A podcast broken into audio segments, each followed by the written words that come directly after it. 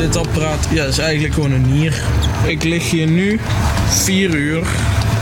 Ja, en als ik het niet doe, dan ga ik dood. Wachten, wachten, wachten. Tot je het verlossende belletje krijgt. Er is een donor. Iemand geeft je gewoon de kans op een, op een nieuw leven. Honderden mensen in Nederland hopen dagelijks dat ze dit horen.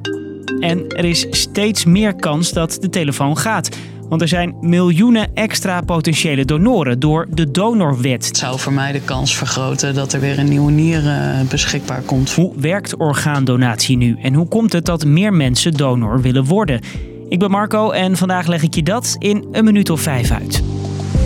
Lang verhaal kort. Een podcast van NOS op 3 en 3FM. Die nieuwe nieren moeten echt heel snel komen. Want ik, ik hou het gewoon echt niet meer vol, zowel lichamelijk als geestelijk niet. Dit is Priya. Zij is een van de velen die wacht op een donororgaan. Dan kan ik weer een vrouw zijn van mijn man. Ik kan dan weer de moeder zijn van mijn kind. Eind vorig jaar stonden er ruim 1200 mensen op een wachtlijst. De meeste mensen hoopten op een nieuwe nier.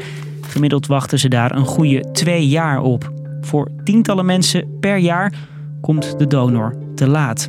Want de kans dat je doneert als je donor bent is bizar klein. De kans dat je iets krijgt is aanmerkelijk groter dan dat je iets gaat geven. Zegt deze arts van een ziekenhuis in Leeuwarden. Je moet op een hele specifieke manier overlijden op een intensive care. En een van die manieren is hersendood. De andere is na het stoppen van een behandeling op de intensive care. Dus je hebt vastgesteld dat iemand niet meer beter kan worden. En dan zal iemand dan overlijden. Het gaat om een paar honderd mensen per jaar die echt doneren. Timna maakte orgaandonatie van dichtbij mee. Zij verloor haar moeder. Mijn moeder was zondagmiddag nog aan het helpen met onze verhuizing. En maandagochtend was ze er niet meer. Ze kreeg een hersenbloeding. Timna begreep toen dat haar moeder donor was. Een aanstaande dood is al heftig en komt die donatie er ook nog bij. Maar er is dan zoiets als een transplantatiecoördinator. Die heeft gewoon heel veel de tijd genomen. Die heeft ons heel duidelijk bij de hand genomen. Uitgelegd wat er gaat gebeuren. Er is ruimte om afscheid te nemen.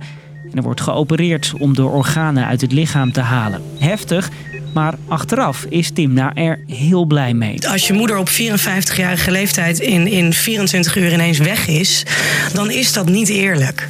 Alleen op het moment dat zij dan vijf levens kan redden, dan is het toch een beetje minder kut. Ben jij er al uit? Ik kijk dan liever zeg maar, naar het positieve dat je er een ander heel erg mee kan helpen. Ik kon die keuze niet helemaal zelf maken, uh, omdat ik daar liever nog niet over nadenk en het gewoon nog te vroeg vind. Als je 18 bent krijg je een brief op de mat, maar doe je het wel of niet? Omdat veel mensen de brief ergens in een kastje weglegden om ooit een keer, als je de tijd voor hebt, in te vullen, maakten veel mensen geen keuze en waren ze jarenlang automatisch geen donor.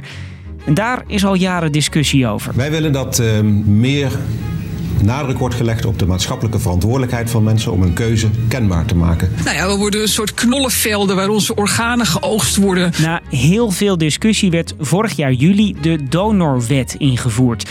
De politiek ging met een nipte meerderheid akkoord. Daarmee is het wetsvoorstel aangenomen. Toen dacht ik, yes. Dit D66-Kamerlid dat zich er hard voor had gemaakt, Pia Dijkstra, zat met tranen in de kamerbankjes. Voorzitter, ik denk aan al die patiënten op de wachtlijst.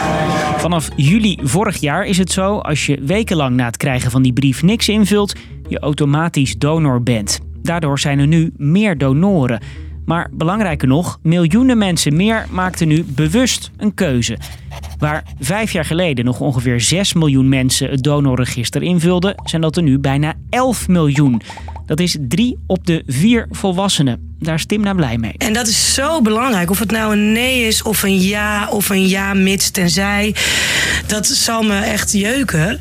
Maar ik vind het gewoon heel belangrijk dat mensen erover praten en weten waar ze het over hebben. Een goede 4 miljoen mensen wil geen donor worden. Bijna 5 miljoen mensen wel. Een kleine anderhalf miljoen mensen laat de keuze over aan familie. En dan zijn er nog 3,3 miljoen mensen die niks hebben ingevuld en nu dus wel donor zijn. Meer potentiële donoren dus. Dus meer orgaantransplantaties zou je denken. Maar die conclusie al trekken na invoering van de donorwet, dat kan eigenlijk niet, zegt deze arts. Zie je, in sommige landen gaat het heel snel. In andere landen duurt het een aantal jaar voordat je een stijging ziet in het aantal donoren. In andere landen hebben ze al langer zo'n systeem. Spanje, Frankrijk, Oostenrijk, Zweden, Italië, Finland en België gingen Nederland allemaal al voor en hebben al jaren een ja-tenzij donorsysteem. En daar zien ze meer donororganen. Ik mag zeggen dat ongeveer een verdubbeling van het aantal donoren is opgetreden. De bewustwording van donatie is in ieder geval gestegen, dat is zeker. De hoop is dat meer mensen mogen meemaken wat Ada meemaakte. Zij kreeg een orgaan, een nieuwe nier. Altijd als ik ga slapen, ga ik slapen met mijn hand op mijn nier. Dat voelt heel fijn, zeg maar. Dus, lang verhaal kort. Na jaren discussie over het donorsysteem is het sinds vorig jaar juli zo dat iedereen donor is, tenzij die anders aangeeft. Het heeft ervoor gezorgd dat miljoenen mensen een keuze hebben gemaakt en dat er miljoenen extra donoren zijn, doordat meer dan 3 miljoen mensen niks hebben ingevuld.